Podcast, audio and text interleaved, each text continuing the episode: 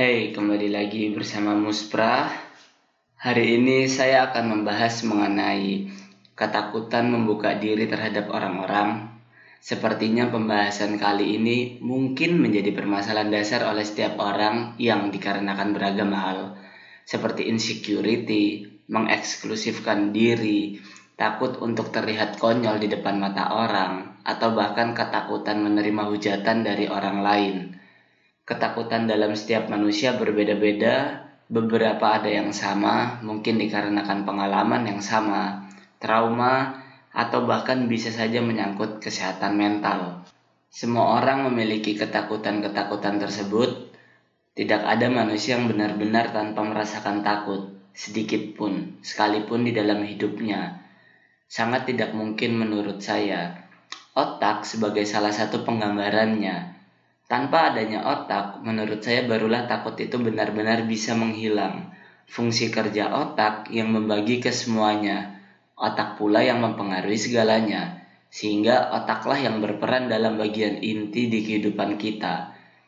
Akan tetapi, kerja otak tidak bisa terus-menerus untuk dipaksakan. Dia si otak membutuhkan nutrisi, membutuhkan pengetahuan, membutuhkan mengangkat beban, membutuhkan beristirahat, dan membutuhkan membutuhkan lainnya. Maka dari itu pandangan saya, inti dari semuanya adalah terdapat di otak.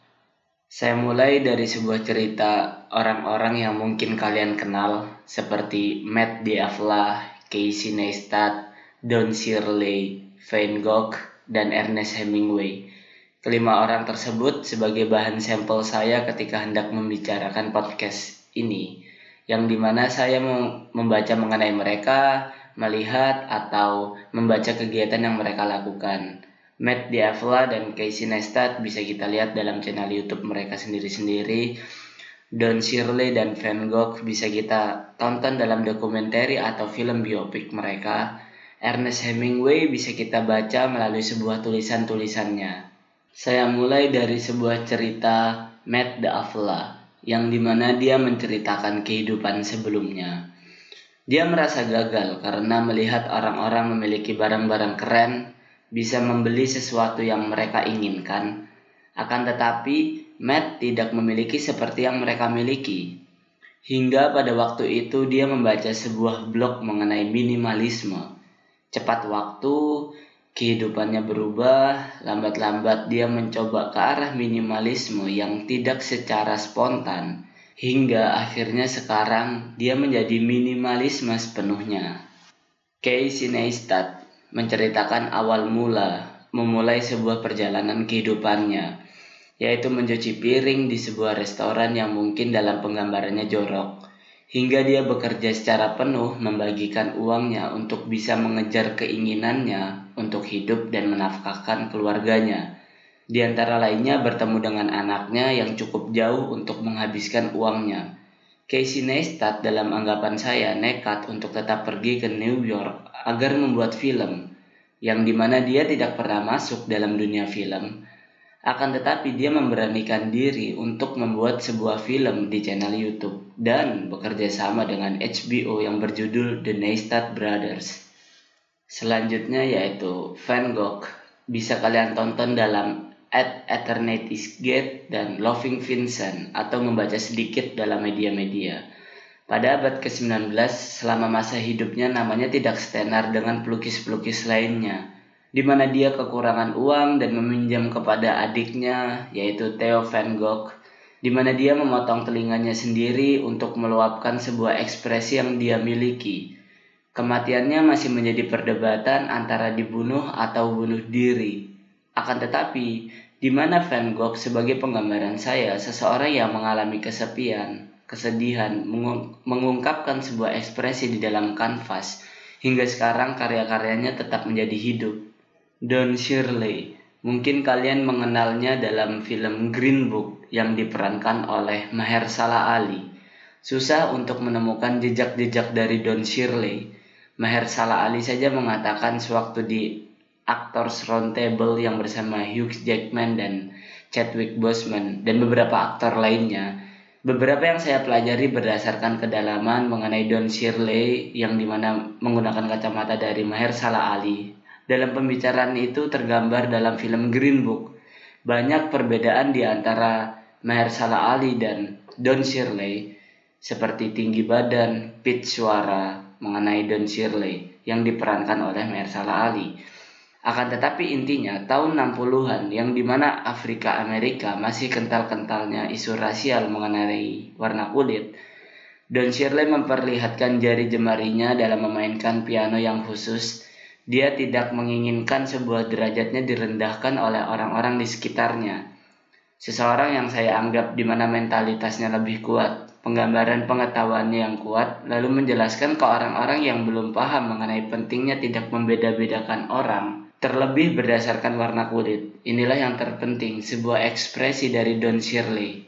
Sampel terakhir saya yaitu Ernest Hemingway dengan quotes terbaiknya kita dapat menulis kapan saja bila orang meninggalkan kita sendiri dan tidak mengganggu, atau kita dapat menulis bila kita cukup kejam tentang soal ini, tetapi jelas tulisan terbaik terjadi bila kita sedang jatuh cinta.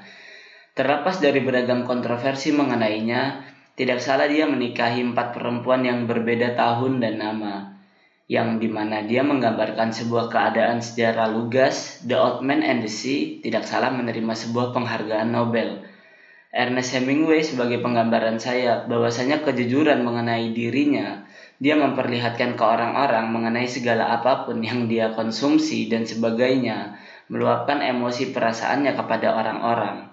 Inti dari kelima sampel yang saya cari yaitu mengungkapkan sebuah ekspresi di dalam dirinya, Kelima orang yang saya jadikan sebuah sampel tentunya melewati kesepian, kesendirian, kemiskinan, ketakutan, depresi, dan sebagainya. Akan tetapi, kelima sampel ini sebagai penggambaran saja. Bagaimana jika kita berdamai dengan itu semua, dengan segala insekuritas, dengan segala memperlihatkan mungkin kekonyolan kita, dengan segala pemikiran kita yang mungkin dirasa orang tidak masuk akal jika Don Shirley tidak bermain piano, mungkin saya tidak akan pernah menonton Green Book. Mungkin. Jika Van Gogh tidak membuat lukisan, saya tidak akan pernah tahu The Starry Night-nya. Jika Ernest Hemingway tidak mengungkapkan segala yang dia rasakan di dalam pemikirannya, tidak mungkin hadir The Old Man and the Sea. Jika Casey Neistat tidak membuat video, kita tidak mengetahui mungkin mengenai vlog. Jika Matt D'Avella tidak merubah hidupnya menjadi minimalisme, mungkin cara benar yang saya pandang dalam hidup yaitu membeli barang terus-menerus.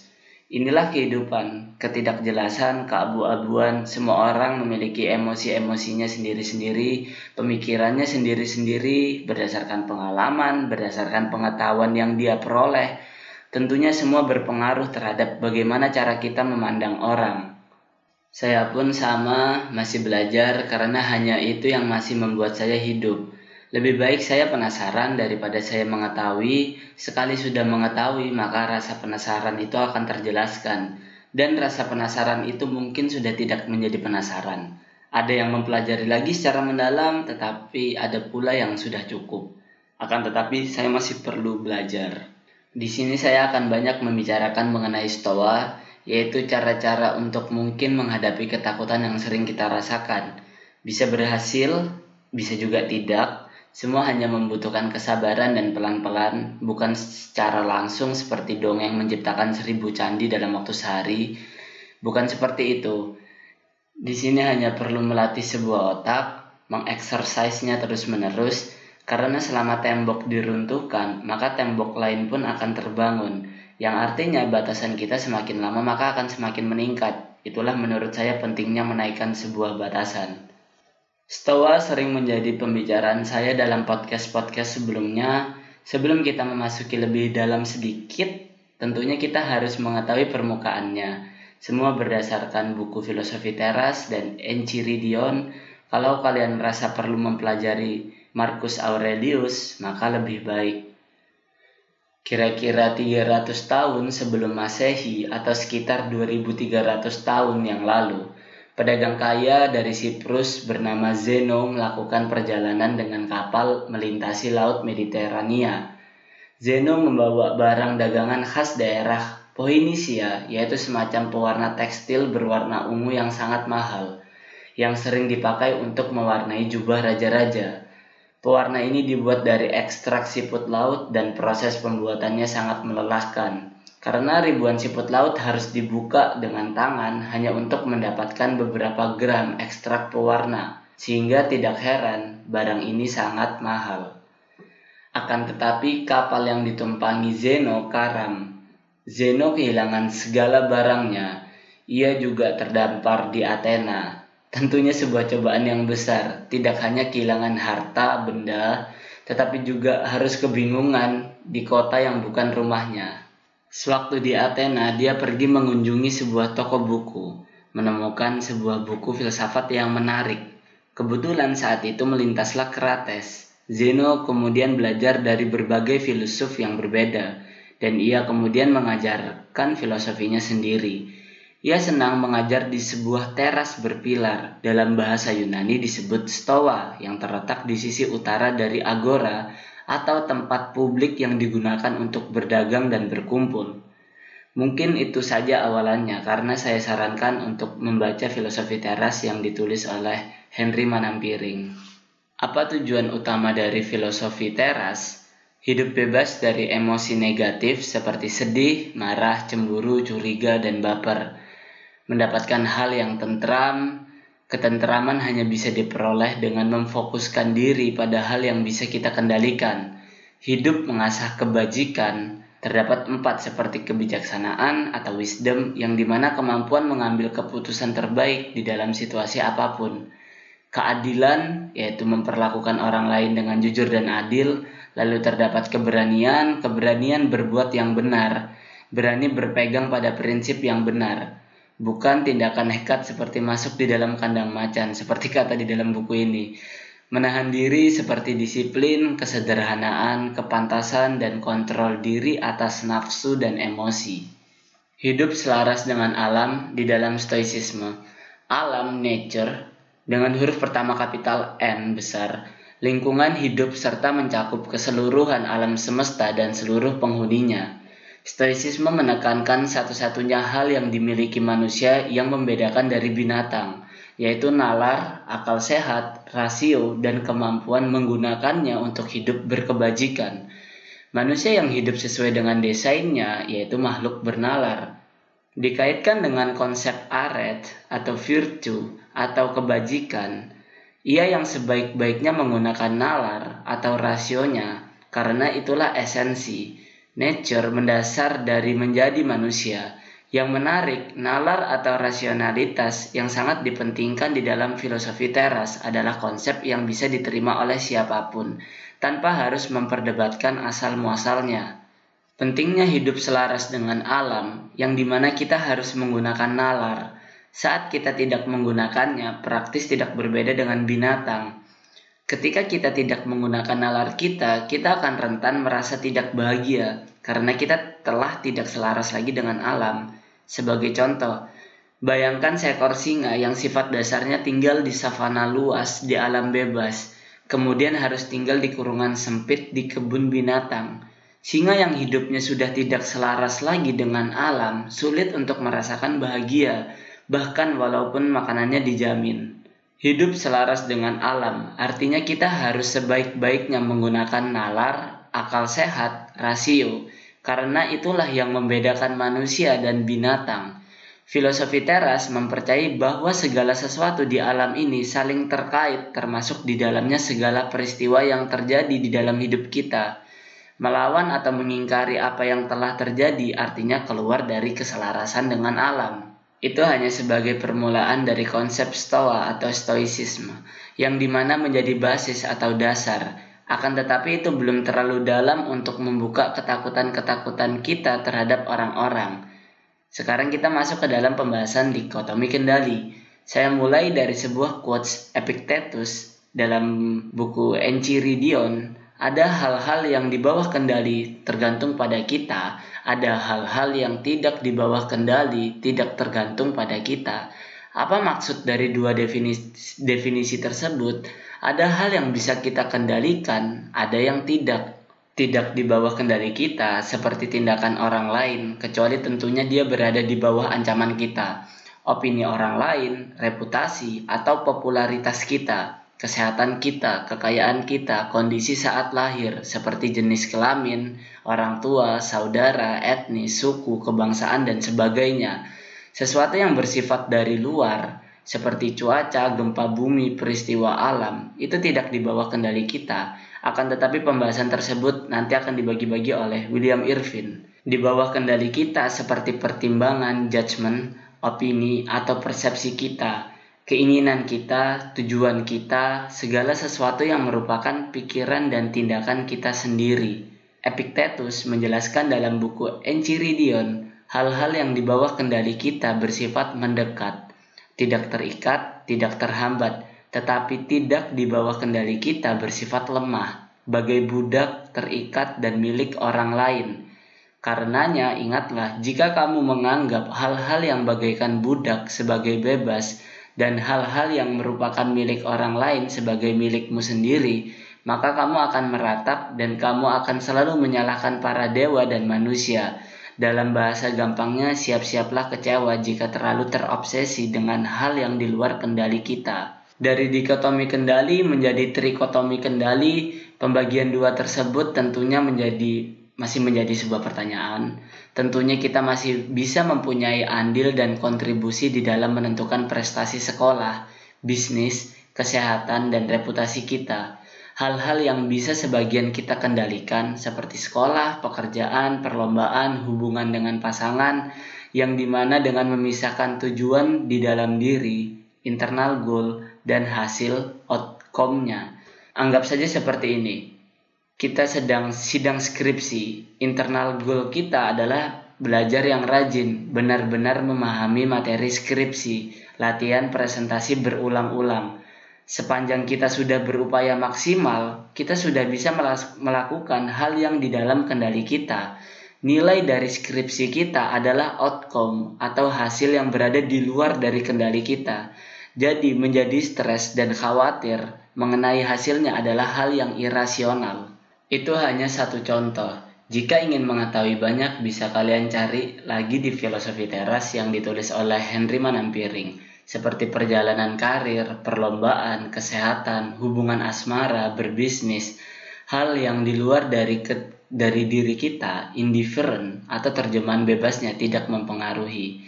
Filosofi teras bukan mengajarkan kepasrahan pada situasi, karena situasi eksternal adalah sesuatu yang di luar kendali, seolah-olah kita hanya bisa mengubah persepsi saja dan tidak perlu bekerja keras. Kata Marcus Aurelius dalam buku Meditation, saat subuh ketika kamu merasa sulit meninggalkan tempat tidur, katakan pada dirimu sendiri, saya harus bekerja keras sebagai manusia. Apa yang harus saya keluhkan? Jika saya memang mengerjakan hal-hal yang untuknya saya dilahirkan, segala hal yang memang harus saya lakukan datang ke dunia ini, atau inikah mengapa saya diciptakan untuk meringkuk di bawah selimut agar tetap hangat. Jadi kamu dilahirkan untuk merasa nikmat dan bukannya bekerja dan mencari pengalaman. Tidakkah kamu melihat tumbuhan, burung, semut, laba-laba, dan lebah? Semuanya mondar-mandir mengerjakan pekerjaan mereka menempatkan dunia ini sebagaimana mestinya, sebaik upaya yang bisa mereka lakukan. Dan kamu tidak bersedia melakukan tugasmu sebagai manusia, mengapa kamu tidak bergegas melakukan apa yang dituntut oleh jati dirimu sebagai manusia? Perhatikan konsistensi prinsip hidup selaras dengan alam. Rajin bekerja dan berkarya tidak dilihat sebagai sekedar jerih payah untuk bertahan hidup atau memupuk kekayaan, akan tetapi sudah bagian jati diri manusia. Di dalam stoicisme tidak ada ancaman dosa untuk kemalasan, hanya kita diingatkan bahwa dengan malas bekerja kita sudah mengingkari alam dan nature kita sebagai manusia. Bahkan kita dianggap lebih buruk dari binatang yang rajin. Kemudian tanpa keselarasan dengan alam, kita akan sulit meraih kebahagiaan dan ketenteraman batin yang sejati. Dengan kata lain, Kemalasanlah yang akan membawa kesusahan dan bukanlah jerih payah itu sendiri. Sesungguhnya kerajinan, kerja keras, dan berkarya sudah menjadi panggilan kita. Intinya di dalam hidup ada hal yang di bawah kendali kita dan ada yang tidak. Orang yang bijak adalah yang bisa mengenali kedua kategori ini dalam segala hal di dalam hidupnya.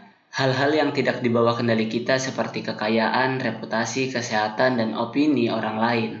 Hal-hal yang dibawa kendali kita seperti pikiran kita, opini kita, persepsi kita, dan tindakan kita sendiri. Walaupun kekayaan, kesehatan, kecantikan, ketenaran bisa kita usahakan, tetapi tidak bisa dijamin, tidak bisa diambil dari hidup kita. Karenanya mereka termasuk di dalam hal-hal di luar kendali. Baik tidaknya hidup kita hanya bisa dinilai dari hal-hal yang di bawah kendali kita. Mengerti dikotomi kendali tidak sama dengan pasrah dengan nasib. Trikotomi kendali sebagian di bawah kendali kita yang di mana kita fokus pada internal goal atau di dalam kendali kita dan siap menerima hasil atau outcome yang di luar kendali kita. Waspada tirani opini orang lain akan hidup kita, segala hal yang di luar kendali, indifferent, tidak berpengaruh terhadap baik tidaknya hidup kita belajar tidak mengingini hal-hal di luar kendali kita. Masih benar-benar banyak seperti mengendalikan interpretasi dan persepsi yang di mana mungkin saya bagi dalam podcast-podcast selanjutnya. Saya hanya bisa menarik sebuah inti dari pembahasan kali ini.